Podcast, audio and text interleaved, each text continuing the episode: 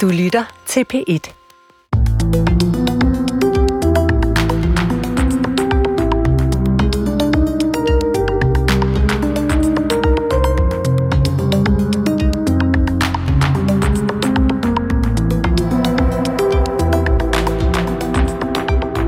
Velkommen til Tidsånd, der nu går ind i sit 6. år. Det markerer vi med en nytårskur, hvor jeg har inviteret fire af programmets tidligere praktikanter. Det bliver derfor et program, som i nogen grad handler om programmet selv, men det vil samtidig, og måske netop derfor, tage temperaturen på tidsånden. Jeg hedder Christoffer Emil Brun og kigger altså tilbage på gamle idéer og tidligere programmer, men vi kigger også frem mod det kommende år i verden og her i tidsånden. De første år var Tidsånd et program, som både handlede om historie og tro, men de sidste år har det alene været et trosprogram. I en periode var det et direkte program, som var optaget af, hvad der skete her og nu, og gav aktuelle begivenheder en religiøs vinkel. Nu er det mere et eller flere udvalgte emner, der sætter rammen for den enkelte udsendelse. Det kan selvfølgelig være aktuelle emner, men det kan også være mere stedsegrønne. Hvilke emner hvilke problemstillinger skal Tidsånd så kaste sig over det kommende år 2022? Og hvordan skal programmet gøre det? Det vil jeg snakke om med de fire mennesker, som kender programmet godt og som er væsentligt yngre end jeg selv. De fire er Martin Grønne. Jeg er med. Giovanna Alessandro. Jeg har bare ikke følt kaldet. Mathias Dyr Johansen. Fremtiden er, ligger derude, ikke? Og Helene Kemp. Jeg er også med. Hvad vil det sige at være praktikant på Tidsånd? Jo, man er her et halvt år, man får nogle kurser i redigeringsteknik og stemmetræning, og så følger man med i udviklingen og produktionen af programmet og bidrager til det i den udstrækning, det nu passer. Først og fremmest, godt nytår til jer alle sammen. Godt nytår. Godt nytår. Tak. Øhm, Martin og Helene, I er med på Thailand, det vil sige, I er på telefonen, men øh, det er sådan et system, hvor det er en en forbedret lydkvalitet. Måske er der en anelse ekko på undervejs, det må man, øh, må man prøve at leve med, men det er på grund af corona. Corona, corona. Yeah. Ja, vi skal tale sammen alle sammen. Men øh, jeg vil også gerne præsentere jer en for en. Giovanna, hvordan går det? Det går godt, tak. Puh, prosit. Jeg,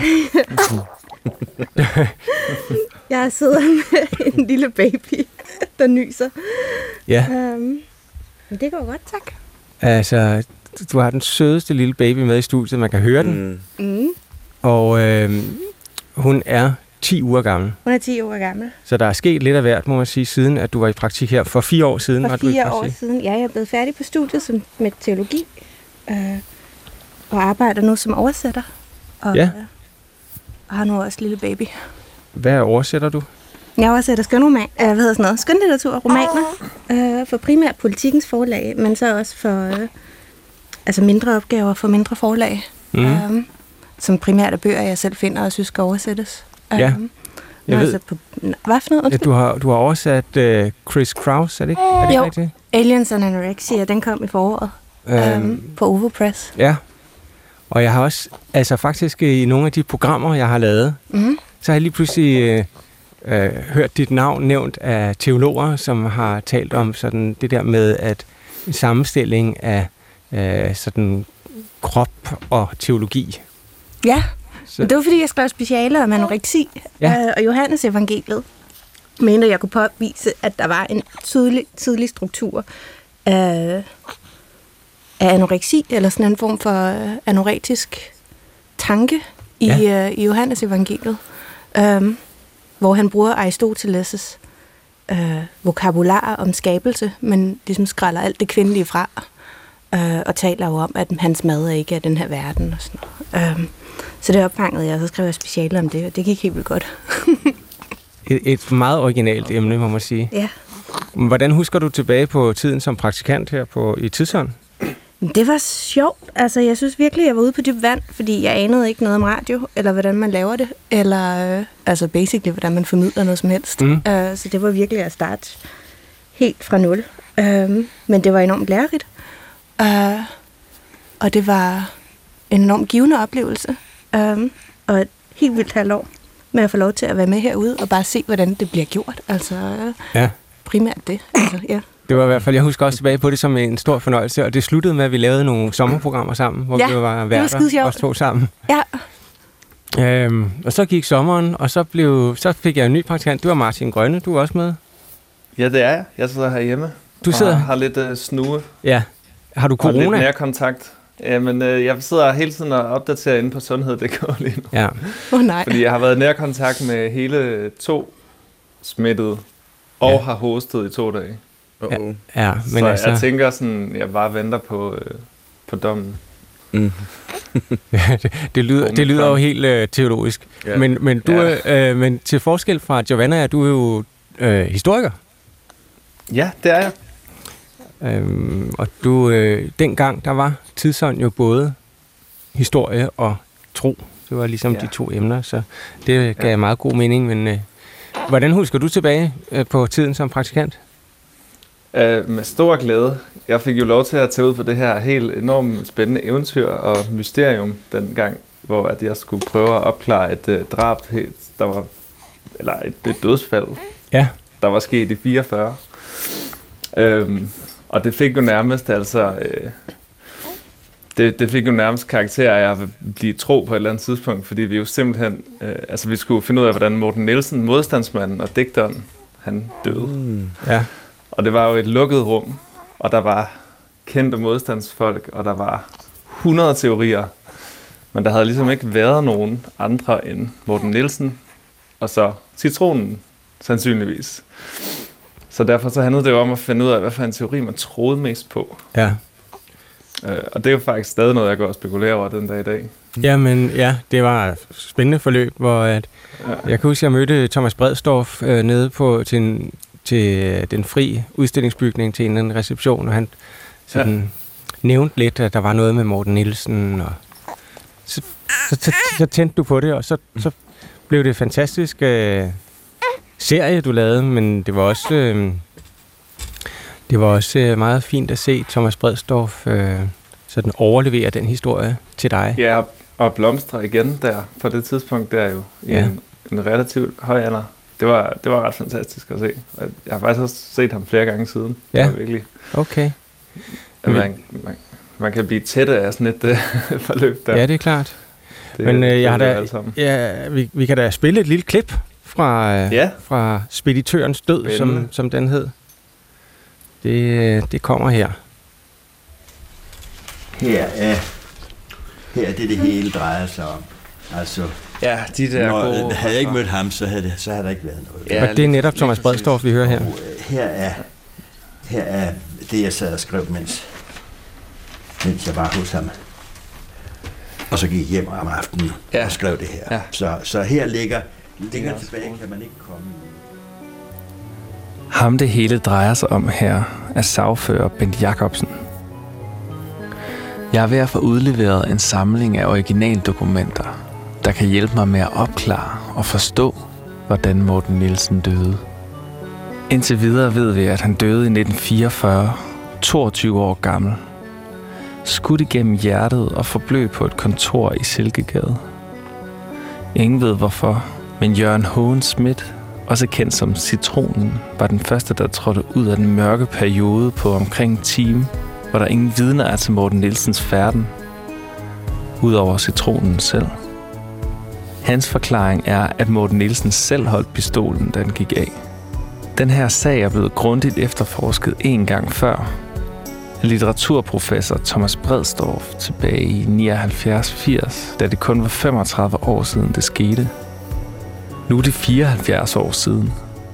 Og selvom Morten Nielsen, citronen og modstandsbevægelsens historie stadig er et følsomt emne, er tiden måske endelig moden til at finde ud af, hvad det var, der skete på det kontor.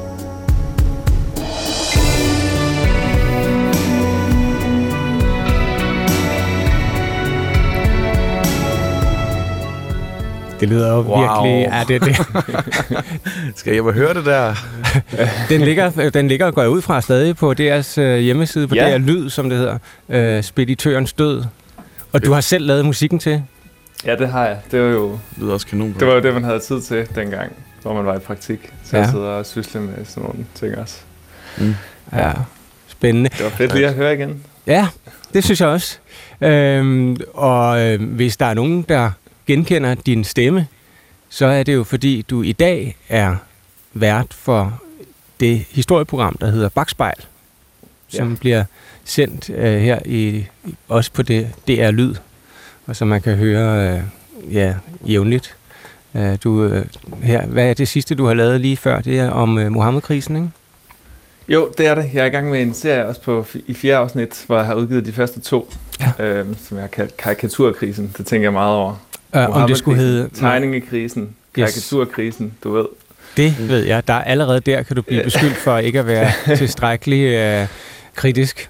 Ja, ja præcis. Men det gik, jeg, jeg fandt frem til, at det ikke var Mohammed, der var problemet. Det var mere, at der var lavet karikaturer af ham, der var problemet. Så det var derfor, jeg valgte det. Men øh, Ja, det, kan, det der kan der diskuteres lang tid, øh, kunne jeg forestille mig. det kan der. Men kan du kaste nyt lys på karikaturkrisen, eller Mohammed-tegningerne, ligesom du kunne med at gøre med Morten Nielsens øh, død? Altså, der er jo ikke på samme måde... Øh, Men jeg ved, du har øh, talt med. Ahmed Akari, og han Det var, jo, han var jo stærkt indblandet i Mohammed-krisen. Han var en af dem, hvis man husker tilbage, der rejste rundt nede i Mellemøsten, turnerede rundt med en mappe med Ja, sådan kætterske, øh, blasfemiske tegninger. Og faktisk lige den her serie, der er faktisk en lille grad af det her med nogle historiske dokumenter alligevel i forhold til nogle af de andre, jeg har lavet. Fordi han for første gang siden krisen har han åbnet sin kasse med dokumenter fra dengang, Ja. som havde taget med ind i, i radiostudiet, som vi sad og gennemgik. Og han havde simpelthen ikke, øh, det havde været så stort et traume for ham, at han havde ikke ville, ville se på de der dokumenter siden. Så der er alligevel en eller anden grad af en ny erkendelse hos ham, øhm, Det som vi spændende. gennemgår. Ahmed er har jo vendt på en tallerken og øh, sprang pludselig ud som, som sådan øh, oplysningsentusiast og, og, Ja. og, og meget kritisk over for sin egen adfærd der i 2005. Øhm, Flyttede til Grønland også, ikke? flyttede til Jo. Grønland i en periode. Jeg tror, han bor i, i Nordjylland nu. Mm. Ja, over i Vestjylland et sted. Okay, ja, tror jeg nok. Ja. Øh, men altså, det er jo...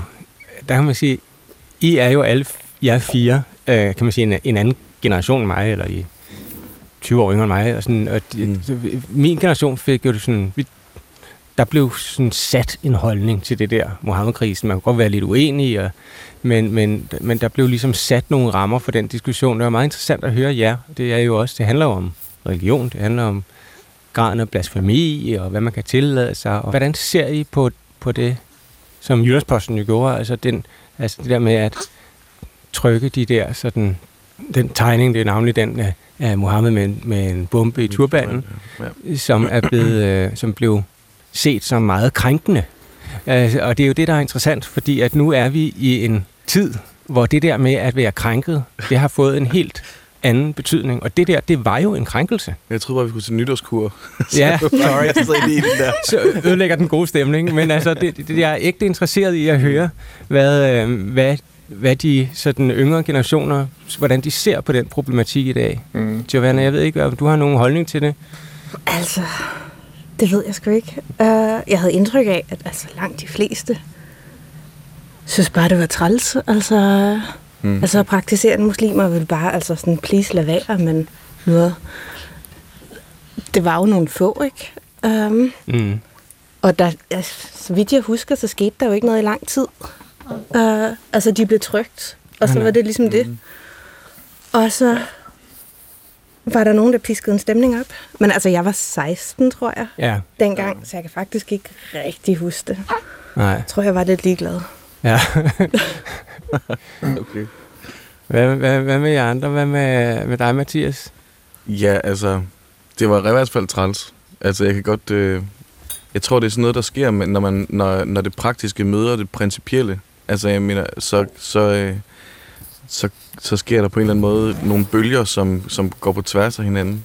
Øh, Mm. Fordi principielt har vi ytringsfrihed, og det er også, men samtidig så er der heller ikke nogen grund til at, hvad hedder det, øhm, træde folk over tæerne, som, altså, og, og det er ligesom, de to, øh, hvad hedder det, bevægelser kan ikke rigtig mødes på nogen, på nogen måde, så Nej. det er sådan, sådan tror jeg lidt, jeg har det med det. Øh, det var jo de to teologer. Helene, du er jo øh, idehistoriker, filosof, filosofistuderende. Hvad, hvad, hvad, Ja. og, du, og du er måske den, også den yngste, øhm, mm. og, og jo øh, lige afsluttet praktikantforløb. Men øh, hvad, har du nogen holdning til Mohammed-krisen, eller er det bare sådan noget mærkeligt noget, der skete en gang for længe siden? Jamen, det er lidt noget mærkeligt noget, der skete en gang, og jeg tror også, jeg var ligeglad med det, ligesom Giovanna øh, dengang, men øh, jeg tror også bare, jeg synes, at, at, øh, at vi, vi skal passe på, hvordan vi snakker til og om minoriteter, mm. fordi de er, de er udsatte, og, og de bliver i forvejen talt til og, og opført omkring øh, på måder, som er, er svære for dem at, at føle sig inkluderet i samfundet. Så øh, altså det, det, det hjælper jo ikke på det, men jeg, jeg er meget enig med, med Mathias. Det, det er virkelig et grænseland mellem ytringsfrihed og integration. Mm. Det må man Inklusion. Og inklusion, ja. Mm. Det må man sige. Man, man kan godt se min pointe, at der er virkelig, altså i forhold til minoriteters øh, integritet og, Mm. og rettigheder, og i forhold til at øh, være en krænket part, der er der jo sket et, et, et paradigmeskift i de sidste år. Ja. Og, og, og det er ligesom om, at det har haft indflydelse, øh, enorm indflydelse, når det handler om køn. Øh, men det her med religion, det er ligesom om, at det ikke er smittet af der, synes jeg. Mm. Mm, og så alligevel, fordi jeg har faktisk tænkt meget over det her også, øh, fordi der var jo, altså, det, man bliver ret baffet, når man går tilbage og finder nogle eksempler på sådan den offentlige tone omkring islam i Ja. tiden der, i ja. 2005. Ja, Øh, den er stadig sindssygt hård, det ved jeg godt, og det har den været også øh, før 2005. Der var måske et lille boost, eller et stort boost efter 9-11, hvor der sådan i hvert fald blev ekstremt meget fokus på øh, terror i forhold til muslimer. Men, øh, men de udtalelser, man finder frem fra 2005 fra Mhm. mm. politikere, ja, da jeg læste dem, altså fra vores kulturminister Brian Mikkelsen, ja. han siger det her med, at de fleste muslimske indvandrere lever efter middelalderlige normer. Det siger han i en tale. Um, ja. og han er jo kulturminister. Så er der Louise Frevert der, som er fra Dansk Folkeparti, og det er en helt anden liga, men hun er stadig et, et folketingsmedlem. Ja. Um, og det er jo sådan noget med, at, øh, Mm. at anden generations indvandrere tror, at de gerne må, må voldtage danske piger og slå folk ned, sådan der, som de har lyst til. Og der tænkte jeg, da jeg læste det, det er fuldstændig... Det, det, det, det kunne man ikke forestille sig at læse i en avis i dag. Det vil man ikke kunne sige i dag, øh, som politiker heller. Nej, nemlig. Så der, jeg tror der alligevel, at det der paradigmeskift, du taler om, det alligevel også har... Øh, Det har haft en indflydelse på, på, Jeg tror, på den måde, man taler på- på. Ja. Ja. ja. Øhm, jeg mødte faktisk Louise Frevert for øh, Ja. lige før jul øh, nede på Nørreport station. Mm. Fordi at øh, jeg, ja, jeg skulle følge min mor til toget, og hun havde været inde og se en, øh, en teaterforestilling, hvor Det, jeg, det er hende med hvor, jeg, haven, ikke også? hvor jeg spillede med i. Øh, er hun med paven? Nej, med haven. Der var sådan en genial klip, hvor hun siger, at jeg går med min have nu. Det kan da godt være. Hun har, hun har været mavedanser. Ja, det er hende. ja, ja. Og, øh, og var så øh, del af Dansk Folkeparti de der år. Og, Mm. Men altså, da jeg mødte hende nu, var det som om, at hun, hun i hvert fald lagde vægt på, at det var ikke en, det var ikke et sted, hun ligesom stod længere. Hun var et andet sted, uden at hun forklarede nærmere, hvor det var. Øhm, En lille. Nørreports bekendelse. ja, en lille anekdote fra, fra togstationen. Mm. Skal bare Spændende. at du faldt i snak med hende om det nede på Nørreport, synes jeg. Ja, ja, men det er, når man er sådan et snakkehoved, som jeg er, så, øh, Det er du i hvert fald. ja, ja, det er jeg sgu nok, altså. Men øh, ja, det har du. Fordi efter dig, Martin, så går der jo så nogle år, og så Mm. mm. kommer du i praktik, øh, Mathias, Ja, i øh, starten af foråret 20. Eller starten af 20. 21, ikke? 21 skulle det, ja. Det år, vi lige har forladt. Ja. Så hvordan var det?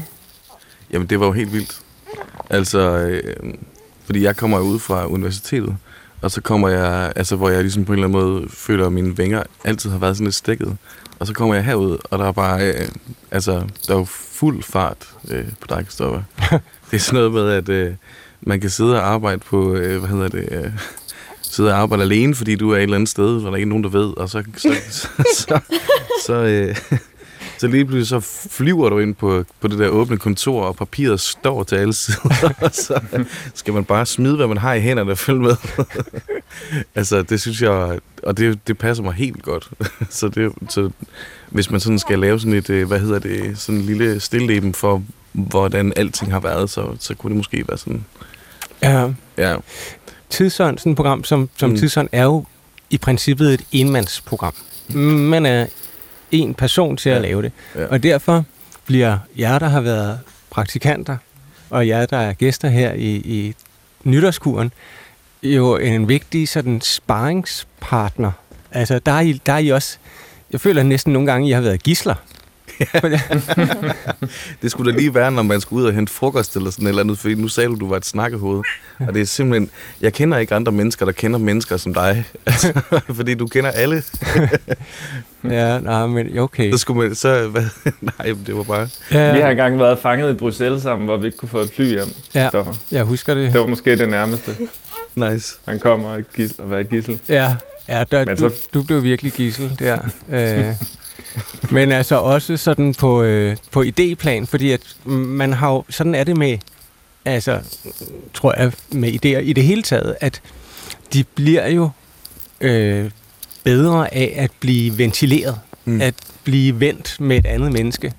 Og, og især hvis det er et, et menneske, som man, altså, som man sætter pris på, og, og der har jeg tit følt, at jeg har været så utrolig heldig med jer, øh, som er som sådan mere eller mindre tilfældigt, der er blevet del af, af Tidsånds sådan mini-redaktion et halvt år ad gangen. Øh, mm, også fordi, at det har ligesom været altså bare kaste nogle idéer ud, og så få det tilbage, og det er også det, jeg gerne vil prøve i dag. Og det er derfor, jeg har Mm. samlet jer, fordi Tidsånd fortsætter jo øh, et år endnu, i hvert fald. Øh, sender en time om ugen. Nu er det så et trosprogram. Men hvad skal, hvad skal sådan et trosprogram kunne i 2022? Det vil, jeg- det vil jeg udfritte jer om. Men vi skal lige, vi skal lige øh, slutte. Nå, nu har vi lige øh, lille Anna Olga på 10 uger. Giovannas barn. det er så sødt. Skal hun lige ud, og hun, hun går lige lidt udenfor. Mm.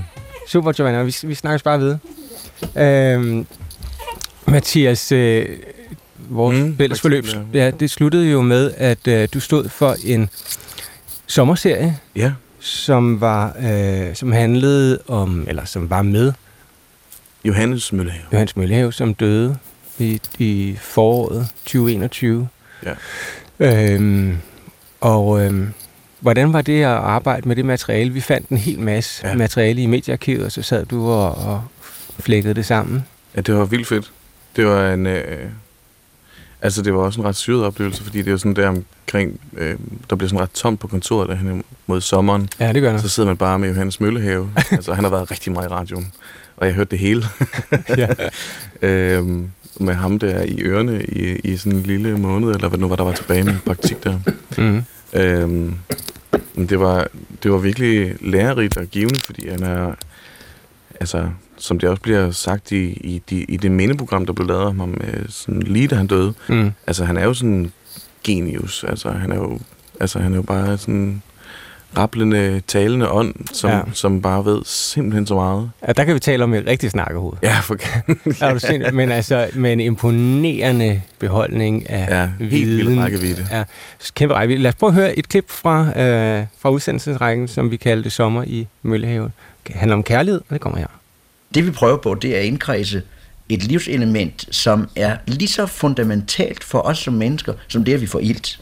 Vi kan spørge, hvordan kan vi skaffe ilt, hvis ilten svinder efterhånden? Vi kan sige, at vi kan i hvert fald ikke leve uden ilt. Og hvis vi, hvis vi konstaterer, at i stigende grad forsømmer øh, vi kærligheden i forholdet mellem forældre og børn, i forholdet mellem øh, ægtefæller eller parforhold indbyrdes, i forholdet mellem det arbejde, som jo også kunne have med kærlighed at gøre, nemlig vores samarbejde.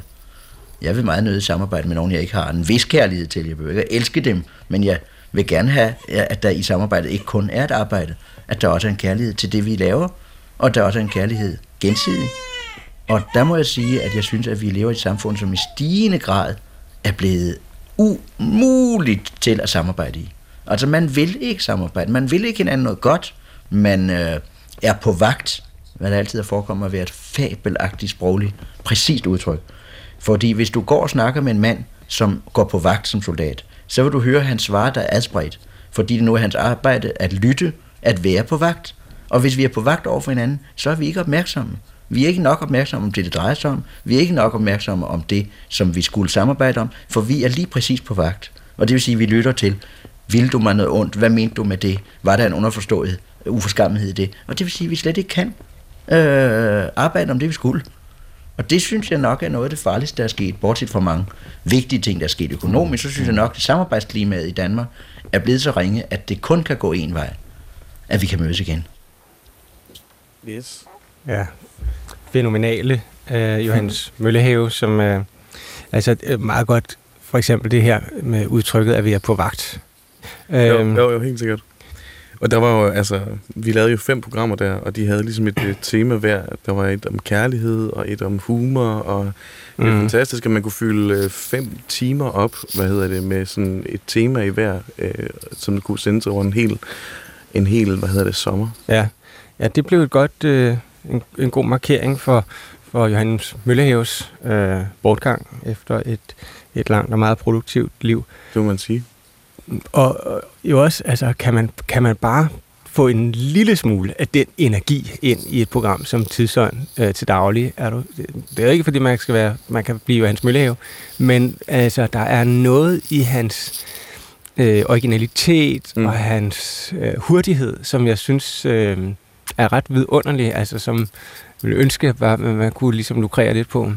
Jeg tror faktisk også, det er et spørgsmål om bare at insistere på at være sig selv. I det der program, øh, der bliver der også tit talt om, at han er grænseoverskridende, og du ved, Ja. det er bare fordi, at altså, han insisterer i så høj grad på at være sig selv. Jeg tror faktisk ikke, han kan andet.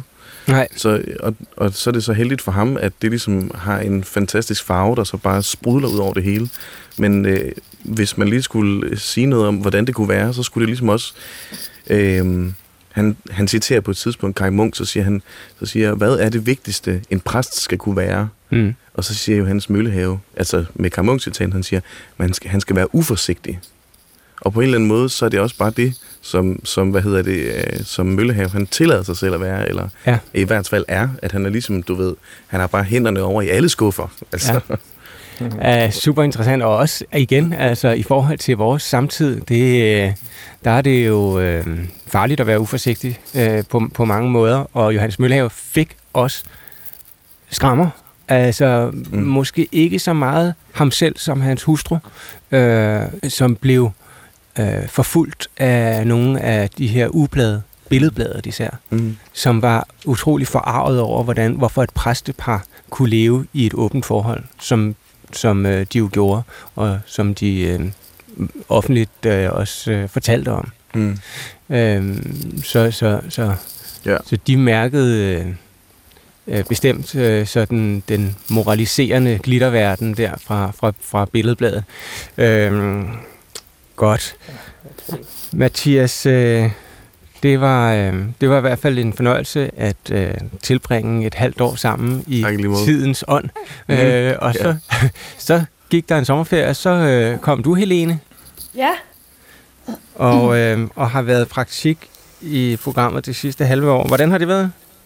Jamen altså, en vanvittig stejl læringskurve, og øh, Christoffer, du, du er jo lidt som et levende historieleksikon og aktualitetsleksikon, som jeg hele tiden bliver udfordret øh, på, om, om hvad jeg ved og hvad jeg ikke ved, og, og jeg er virkelig også blevet udfordret på min egen sådan, religiøse øh, horisont, både personligt, men også, hvad, hvad ved jeg, og hvad kan man egentlig gå ind i? Jeg, Ja, jeg, det kom, jeg kom jo ind, ja, altså jeg, jeg kom jo bare som filosofi- og kulturstuderende, du kan godt lide at kalde det idéhistorie, det, det kan jeg egentlig godt øh, indfinde mig med. Mm-hmm.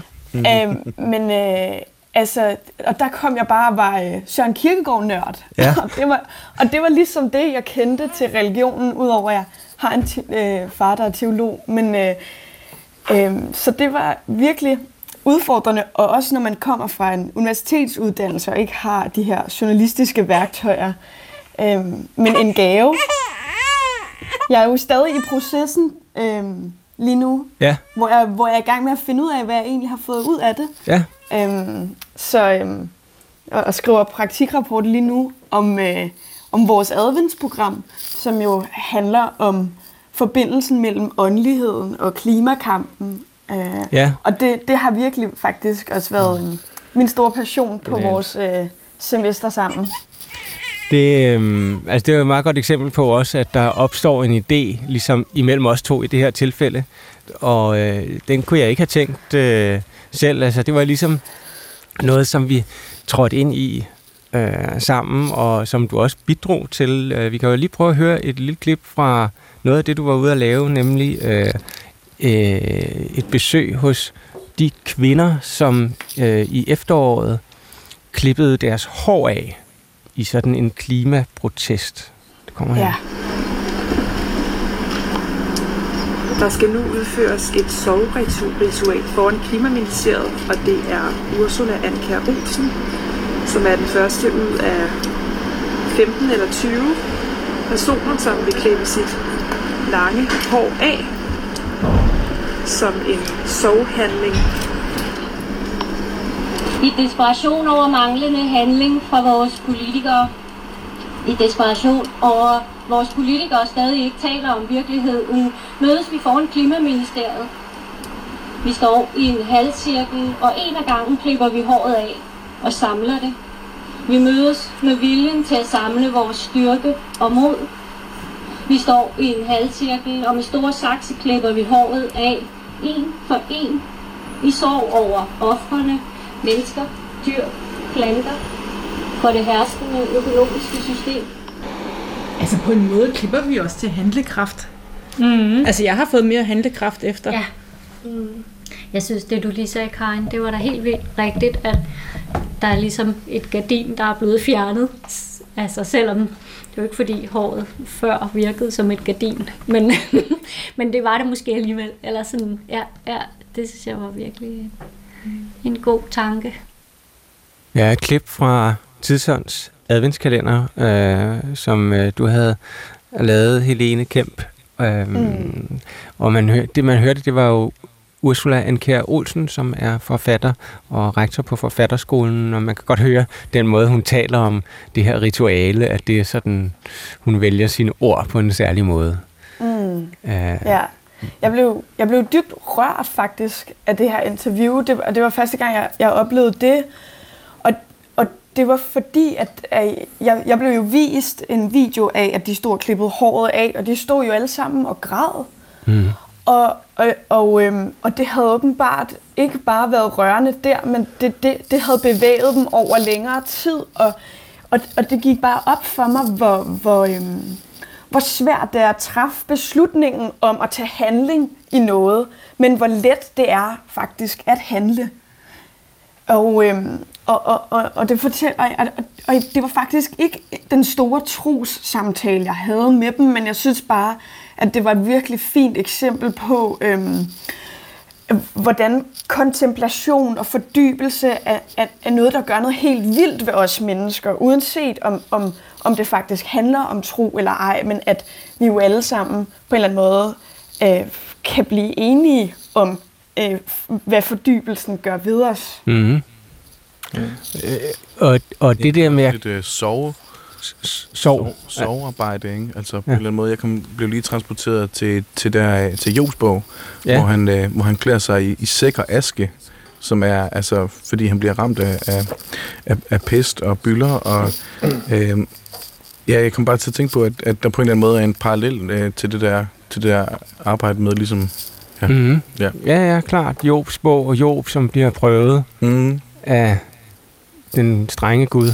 Det må man sige. Prøve mm. efter prøve, og, og, og, og kan han så beholde sin tro? Ja, ja sin tro på, at verden er god, og sin tro på, at, øh, at der findes øh, et, et, et håb øh, fremadrettet. Og mm. det er jo også på en eller anden måde øh, nogle af de hvad hedder det, stemmer, eller noget af den ånd, som fletter sig ind i det, i det der sovritual. Altså sådan, mm. som jeg bare lige hørte det. Helt Super klart. spændende, Helene. Jamen, det er virkelig spændende. Øhm, man kan sige, at ritualet, det er jo ikke et religiøst ritual, men det mimer på en eller anden måde noget religiøst. Det der med at klippe håret af. Altså, der er jo sådan... Mm. Det siger også noget om, at ritualets praksis giver håb, uanset øh, hvad udgangspunktet, eller, eller hvor øh, praksisen kommer af, om det er, man tager fat i en gammel tradition, eller man kommer fra en religion, men, mm. men det var meget tydeligt, at de var håbefulde, og jeg synes, jeg har mødt mange mennesker, som ikke er håbefulde, men, men det her med at kunne få sig selv til at handle, øh, det giver mm. håb, og det, øh, det har man mere lyst til efter sådan et ritual, tror jeg. Jeg kan faktisk bygge det der op med noget benhård øh, videnskab. Det er lidt sjovt, du vi lige Fedt. snakker om det her, fordi at jeg, jeg læste lige en artikel på videnskab.dk, ikke? Ja. Og den handlede om, at det var sådan en, øh, et metastudie omkring sådan alle de, alt det forskning, der er lavet i 10 år omkring ritualer. Og konklusionen var, at øh, man simpelthen bare får et længere liv ved jævnligt at dyrke ritualer. Nå. Sådan. Og det synes jeg var virkelig interessant, og i forhold til, at du spurgte sådan, hvad skal et trosprogram kunne? Ja. Så synes jeg, at det er, altså det kunne du lave en, et helt år om, hvad, hvad et ritual kan på, øh, på, på måder, som ikke er inden for de store institutioner eller religioner, men som er sådan, måske den måde, de fleste øh, danskere bruger tro på. Altså Ja. det kan jo være at bare spiritualitet. Hmm. Altså sådan, du mener forskellige ritualer, som sådan Ja, mere altså- eller mindre er religiøst inspireret? Ja, lige præcis. eller? Ja, og som også godt kan, kan være, slet ikke være religiøse, men som kan have en tro i sig alligevel. Ja. Altså en hengivenhed til et eller andet. Det kan være naturen, eller det kan være alt muligt. Ikke? Jo. Altså, Mm. En af konklusionerne i den der øh, artikel, der jeg læste, var også, at meditation for eksempel, som et ritual, Ja. nedsætter sådan stresshormoner sådan sindssygt meget. Og det, derfor så kommer man jo til at tænke på, om man måske ikke har lige så meget brug for ritualer nu, som i bundestenalderen. Altså hvis det handler om stress. Mm. Ja. Det er da en spændende idé. Øhm, Jeg har godt, jeg har tænkt på det mere i forbindelse med, øh, men der, der, der, der er det nok bare mig, der er sådan meget traditionelt tænkende, at øh, folkekirken jo er i færd med at øh, lave sådan et stort liturgiarbejde, som, som det hedder, altså Ja. hvor de overvejer og gentænker øh, en række ritualer herunder dåbsritualet og nadverritualet. Og det er jo, det kunne jeg godt tænke mig, at programmet ligesom kunne være bidrag til, eller være med til at, at overveje de ritualer der. Men, men det var øh, godt tænkt, Martin, at man også kunne bevæge sig ud over den snævre folkekirkelige ramme. Så tror jeg i hvert fald, at man lige pludselig rammer nærmest alle Ja. på en eller anden måde. Jeg tror næsten alle har et eller andet ritual. Det er ikke sikkert, at alle har. men Jeg tror Mm. mm. virkelig mange har. Ja. Om det så er yoga, eller hvad fanden det er, altså. Om et eller andet. Med en gåtur, eller et, ja. Ja. Det kan være alt muligt. Det er sjovt, fordi jeg havde faktisk også i, på det der spørgsmål om, hvad et, øh, hvad et trosprogram skal kunne i 22, sådan tænkt mm. noget, lidt, lidt i forlængelse af det. Altså, øhm, fordi der foregår jo helt vildt mange sådan små øh, spirituelle øh, og religiøse praksiser, eller folk har sådan øh, ja, tilgange måske, altså, som kunne være sjove på en eller anden måde at vende med nogle af de autoriteter, som jeg synes, at Tidsånd har rigtig godt fat i. Altså, mit konkrete eksempel var sådan noget som for eksempel CoStar, som er sådan en, som er sådan en app, Ja. en st- astrologi-app, Ah. som, er, mm. som, som mange benytter sig af. Og jeg kunne helt vildt godt tænke mig at høre noget om, hvis nu for eksempel man tog det, som er et meget sådan folkeligt, øh, øh, religiøst værktøj, og så ligesom spurgte nogle øh, kirkelige autoriteter, hvordan de ligesom kunne forholde sig til det, altså give, give det værktøj i hænderne på dem, Mm. og så høre dem reflektere over forhold som skæbne og, hvad hedder det, altså stjernetegn og sådan noget, som jo, ja, som, eller skæbne, som ligger inde i det spørgsmål om stjernetegn. Det tror jeg kunne være spændende. Det var da en meget spændende idé, sådan en slags bytte købmand, bytte, bytte Ja. købmand, hvor man ligesom tager et, et ritual fra astrologiens verden for eksempel, mm. og så øh, ligger, altså, eller se, læse i, i hå- hånd, eller hvad, ja, hvad det det kunne være, og så... Øh, Eller tarot, måske mere. Tarot. Det er super populært. Ja, Det, det er det faktisk. Ja. Det kan du altså heller ikke komme udenom, tror jeg. Nej. Oha, oha, men jeg har lige, jeg har lige fået et, et spil tarotkort. Jeg vandt det i sådan en, en julekonkurrence. nice. De, Så- de er også nogle Det var meningen. billeder. Det var meningen. Det var, et, det var et tegn allerede, ja.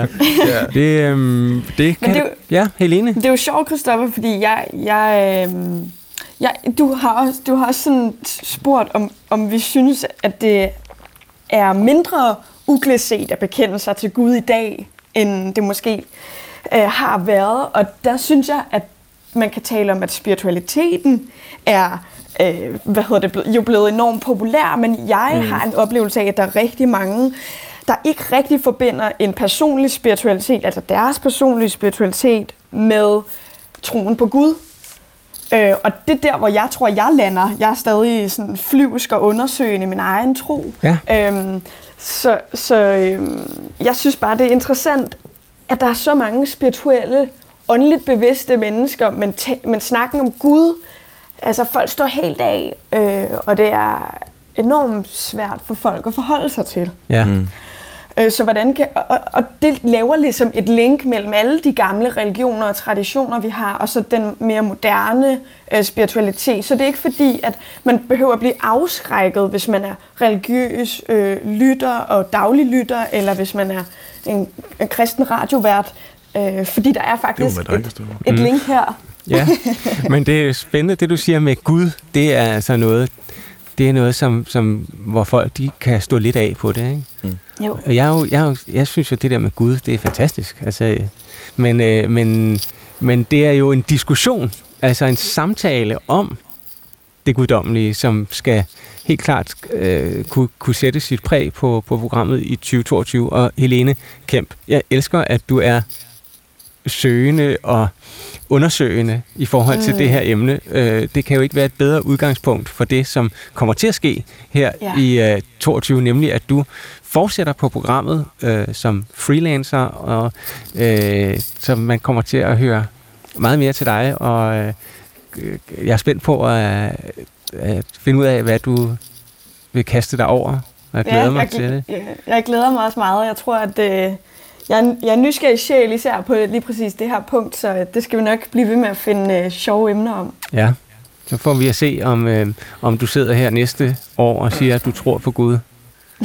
det tror jeg faktisk øh, allerede godt, jeg kan sige, at det, eller det kan jeg sige, at det gør jeg. Ja. Øhm, men jeg, jeg kan nok ikke øh, helt endnu, jeg er jo 25 og stadig meget afsøgende, binde mig op på en formaliseret religion. Nej. Øh, men jeg kan godt bekende mig til spiritualiteten og åndeligheden og Gud. Det kan ikke være et bedre udgangspunkt.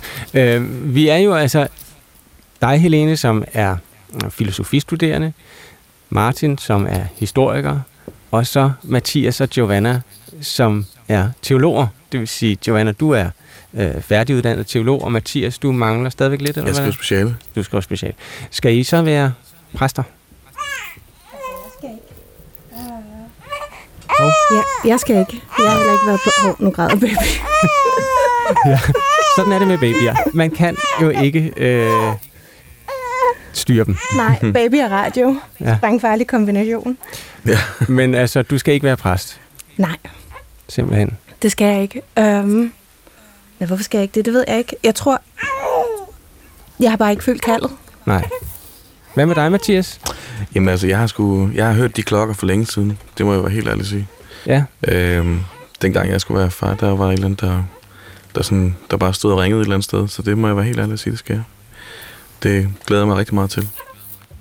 Det lyder spændende, så det Mm. vil sige, hvis man vil være præst, ja, så jeg ved ikke, hvor mange af de teologistuderende, der vælger det. Det er sikkert omkring halvdelen eller sådan noget. Jamen, der er sådan, øh, der er sådan en sjov, hvad hedder det, øh, omvendingsting, øh, ting, hvor at, øh, når man starter, så er der 80 procent, der ikke vil være teologer, og så er det noget med, at når man så slutter, så er det så 80 procent, der ender i folkekirken, eller sådan et eller andet. Så Ja. sjov. Så der, der, der er en form for øh, indre mission, havde jeg nær sagt, ja. øh, til stede ja. I, på teologistudiet. Ja, det må man sige. Øhm, Det er det, der sker, når man beskæftiger sig med det. Så øh, men det der, det, der sker, hvis man vil være præst, er jo, Mm. at så øh, skal man gå på det, der hedder pastoralseminariet. ja, helt sikkert. Jeg tror, at, at, at ba- baby forlader os lidt igen. Er det okay, Giovanna? Ja. Nå. Ja, men apropos, det var også det, du sagde, det var da du blev far. Du fandt ud af, at du ville være Ja, præst. Altså, Ja, Og øh, det Altså- også, jeg synes, det kan ikke være bedre øh, til et nytårsprogram, at man har en lille nyfødt baby med. nej, det er rigtigt. Det passer godt. Ja, det var bare sådan, øh, altså i mit liv, der sker der ikke noget med mindre, at nødvendighedens varme klinge ligesom bare står og ager mig lige så stille på halsen, og det gjorde den så ligesom der. Så øh, der fandt jeg ud af, at jeg skulle være præst. Ja. Men altså, ja, nu må, nu må vi se, der er også mange andre sjove ting, der, der, øh, der kalder derude. Ja, Ja. du skriver også digte. Jeg skriver digte og, og har haft en, en udstilling med nogle fotografier her i løbet af efteråret. Og det er jo øh, to virkelig brødløse erhverv, så, så måske kunne det være godt at kombinere med min, øh, med min tro på Gud. Så, men, men altså, fremtiden er, ligger derude, ikke? Jo, Og det ville også være dejligt at høre mere til dig her i, øh, i radioen. Altså, s- sådan, øh, og sådan er det jo med, med alle tre. Altså, som sagt, Martin, øh, dig kan man høre i, i øh, den podcast, der hedder Bagspejl, øh, som har kørt et års tid, og som er vældig populær, som er en historiepodcast. Øh, og Helene, du øh, vil, vil være med i to- 22. Øhm, altså, hvis, nu har vi talt lidt om sådan forskellige idéer, men hvis man skulle sådan overordnet pege på, hvad, hvad mener I, et trosprogram skal kunne i, øh, i vores samtid? Altså, skal det oplyse? Skal det fortælle historier? Skal det fortælle personlige historier? Skal det øh, analysere? Skal det gøre indtryk? Skal det missionere? Ja, det skal forkynde. Skal det forkynde? Alt andet end det sidste. ja. Ja. Okay, men det, det, det, det, det har vi jo også. øh, Vi sender jo en gudstjeneste hver øh, uge, hver søndag kl. 10 Mm. her på Ja. P1, så der er, der, der er forkyndelsen ligesom afhandlet, kan man sige. Ja. ja. Altså, jeg, jeg, jeg elsker, når, når du sådan der, du har også gjort det lidt af sidste, sidste gang der i, øh, i adventskalenderen. Altså, jeg synes, det er fedt, når du tager på reportage og tager ud og har et, måske et eller andet simpelt spørgsmål, der skal besvares. Og så øh, som tager ud og møder de folk, som, som ikke er, er altså al respekt, men som ikke er de, de midaldrende eksperter, der kan komme ind i studiet Ja. og væve og væve. Øh, altså det synes jeg vil være sindssygt spændende. Og så møde dem, som har de her, som måske dyrker de ritualer, vi talte om. Alle ja. mulige forskellige ritualer. Og så bare sådan prøve at finde ud af, hvad et ritual er, og hvad det, hvad det, hvad det gør for de personer. Og hvad det måske også gør i kriser, i en krisetid. Det synes jeg også er ret interessant. Også i forhold til det der, vi talte om med karikaturkrisen. Altså, var det, altså, blev, blev den så hæftig, fordi at der var det der post 9-11, sådan sindssyg retorik omkring øh, muslimer. Sådan noget der, ikke? Nu er der sådan en coronakrise, og folk tror på QAnon og sådan noget. Mm. Hvad, hvad, hvad, hvad, for en, sådan, hvad, hvad bliver de, de der ritualer sådan ligesom presset ud i at være? Det er øh, noget, jeg kan tage med, og som vi kan tage med i programmet, altså øh, ud i verden. Man kan sige, der er sket det inden for udviklingen af radiomediet de sidste 15-20 år, at der bliver produceret utrolig meget mere, end der gjorde tidligere. Ja. Flere timer, og det betyder også, at man overvejende laver studieprogrammer, fordi det er sådan den, den billigste og den nemmeste måde at lave, lave meget volumen på. Øhm, og man har i, i nogle år øh, sådan ud- udfaset reportageelementet, men det er så sandelig på vej tilbage, og det er det jo kommet øh, ikke mindst takket være podcast øh, lytningen, altså den lytning, hvor man vælger til, i stedet for bare at lukke op for radioen hjemme i køkkenet. Mm. Så det, øh, så det er noget, du, jeg tror, du har øh, helt ret i, og har fingeren på pulsen, og jo også noget, du selv i den grad øh, arbejder med, ikke? Jo, når der er tid i hvert fald. Det er jo det, der er problemet. Det er jo simpelthen mere besværligt. Ja, det, det er det. Mm. Når man skal lave et program om ugen. Men det er så der, du har Helene til at hjælpe dig. Ja, Helene, hvad jeg kommer tænker du? Hvad skal, vi, hvad skal vi finde på i 22? Ja, men altså, jeg, jeg synes, at det er en super god idé med øh, ritu, ritu, ritualerne. Mhm. ritualerne. Øh, og, og, og måske også bare sådan forskellige fortolkninger af, hvad det vil sige at tro. Altså uden at det bliver talt til mig, men du ved, altså, øhm, der, der er så meget skeptisk, skepsis omkring øh, troen, og jeg føler nogle gange, at troen og gudsbegreberne bliver sådan, er- er det fundamentale for os i samtalen, men som nogle gange er der, hvor folk allerede er stået af. Øh, Så når man har en samtale om det, så får man slet ikke talt om det helt grundlæggende, og hvordan man, øh, hvor man selv kan stille sig i forhold til det her. Mm. Øh, så det, det tror jeg vil åbne en forståelse for kristendommen og øh, alle mulige andre religioner og religiøse øh, troende spirituelle praksiser. Så kunne man jo se øh, sådan også lidt hi- historisk prøve at tale ud over religionen og ind i det, som tro og religion griber ind i. Øh, kultur, øh, øh, etnicitet, øh, ligestilling og, at se sig selv i sømne. Der er jo lige nu en, øhm, en tendens til, at man skal se sig selv i sømne, og så kunne vi jo måske som øh, trosprogram, der skal formidle den kristne kulturarv, Ja. som public service-kontrakten jo siger, øh, gå ind i den kristne kulturarv og sige, okay, hvilken negative indflydelse har det haft for samfundet, men hold fast i, hvad er essensen Ja. af åndeligheden? Og hvad er det, vi skal holde fast i? Og hvad er det, vi især skal give slip på af strukturer øh, i samfundet? Mm. Magtstrukturer, forskellige ting. Det lyder... Altså, det, det er sådan nogle tanker, som er så gode at få ind, fordi at det, der, der har du et, et blik, som, som jeg tror, at jeg ikke nødvendigvis selv har, som øh, er stærkt der, og som jeg synes virkelig øh, lyder som noget, vi kan tage fat i. Jeg så, at der lige øh, før jul kom en bog af teologen Mogens Møller, jeg ved ikke, om nogen af jer kender ham fra Jo, jo. universitetet, jo, øh, om bibelkritik.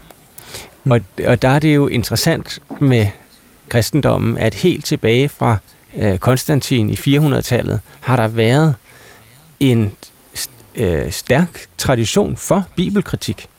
Altså det er en del af kristendommen, at man kritiserer den. Øh, så derfor vil det også ligge i forlængelse af sådan den, den, den del af den kristne tradition, at øh, blive ved med at øh, tage den kristne kulturhistorie og den øh, trosforholdet op til kritisk øh, overvejelse. Mm-hmm. Hvad skal der ellers ske i jeres liv her i, øh, i 2022, nu når vi sidder her og er så småt er ved at øh, udtone vores nytårskur? Hvad, har I nogle planer i livet i verden? Bare lave mere radio. Det er min plan. Ja, det lyder da også som en Så god jeg plan. kan jo også bruge vores øh, brainstorm her til lidt. Ja. Mm. Nasser lidt på den. Det er en slags open brainstorm. og, øh, Ja. Men altså, der, der, der er noget i, i åbenheden, som øh, er nødvendigt, og derfor har jeg også etableret en e-mail til programmet, og den vil i dette øjeblik åbne. Øh, Den hedder. Tidsånd med dobbelt A. Altså tidsånd med to A'er i stedet for bollå, snabelag, dr.dk. Hvis man som lytter har kommentarer til programmet, idéer til, hvad vi skal tage op, så er man meget velkommen til at skrive til den adresse. Jeg skal jeg sige i parentes, er stor tilhænger af bolleådet, Ja. øh, som blev indført øh, ved sprogreformen i 1948 af Hartwig Frisch. Øhm, men, Ej, hvor spændende. Hvorfor er du det? Ja, det er jeg, fordi at det er moderne, og det er, øh, og det er nordisk, og det ser godt ud. Øh, det var jo efter krigen, hvor man vendte sig mod, øh, mod det Mm. germanske i en vis udstrækning, som man, øh, som man aflevede dobbelt A og stort begyndelsesbogstav ved substantiver. Det Øh, var en god ting. Ja, øh, så, så, så, så jeg er stor tilhænger af bolleådet, og synes, det var, det var begrædeligt, da man i Aarhus øh, synes, at man skulle tilbage til dobbeltaget. Men her i e-mailadresser, og det er jo også derfor, at Aarhus ville lave det om. Det var, fordi det så ikke godt ud på internettet og skabte noget besværligt. Men, men, men her i, øh, i e-mailadresser, der er det altså dobbelt A, der fungerer bedst. Derfor tidsånd med dobbelt A, snabelag, dr.dk, hvis man vil øh, være med i udviklingen af programmet. Øh, og den her nytårskur har ligesom været øh, en åbning i begyndelsen af året af programmet sammen med jer, og, og nu også imod vores øh, lyttere. Hvad ellers skal der ske i, øh, i 22, øh, Mathias? Har du nogle planer? Jamen altså, det der speciale skal jo gerne skrives færdigt. Det er det. Hvad, hvad handler det om? Det handler faktisk om øh, tro og medier. Hvordan man tror, når man tror i radioen. Ja. Øhm, fordi jeg har jo også været hos Iben på talt til mig, ja. og øh, det synes jeg bare var helt vildt spændende, hvordan, at, hvordan folk de tror på en øh, meget speciel måde, Ja. ja. i, når det foregår herinde. Ja. Det er så spændende. Mm. Øhm, og øh, Iben Søjdens program, Tal til mig, øh, kommer til at holde pause Det gør det jo. øh, her i øh, i hvert fald den første del af 2022. Ja. Øhm, og det, der kommer i stedet for øhm, på samme tidspunkt, det er øh, programmet Sørine og Kærligheden. Okay. Ja. Det lyder spændende. Hvor Sørine Godfredsen undersøger kærligheden i, uh, i perioden frem til, at hun skal giftes i slutningen af maj. Nej, hvor smukt. Ja, det glæder jeg mig også utrolig Ja, meget er til at, uh, at høre. Um, så der er der noget at se frem til i, i 2022. En masse god radio, og held og lykke med specialet, Mathias. Uh, Giovanna, hun, uh, hende siger vi farvel til en absentia, fordi at hun er gået ud med sit lille, nyfødte barn. Uh, men tusind tak, fordi I var med. Uh, Martin Grønne, du kan høres på DR Lyd, også næste år i Bagspejl. Yes. Øhm, og Helene Kemp, du vender stærkt tilbage i tidsånd. Det gør jeg helt bestemt. Et godt nytår til, øh, til jer, der var med i dag. Det var en stor fornøjelse, og et godt nytår til øh, alle, der lyttede med. Tidsånd er ved at være slut. Jeg hedder Christoffer Emil Brun. Godt nytår. Godt nytår. Godt nytår. Godt nytår. Godt nytår. nytår.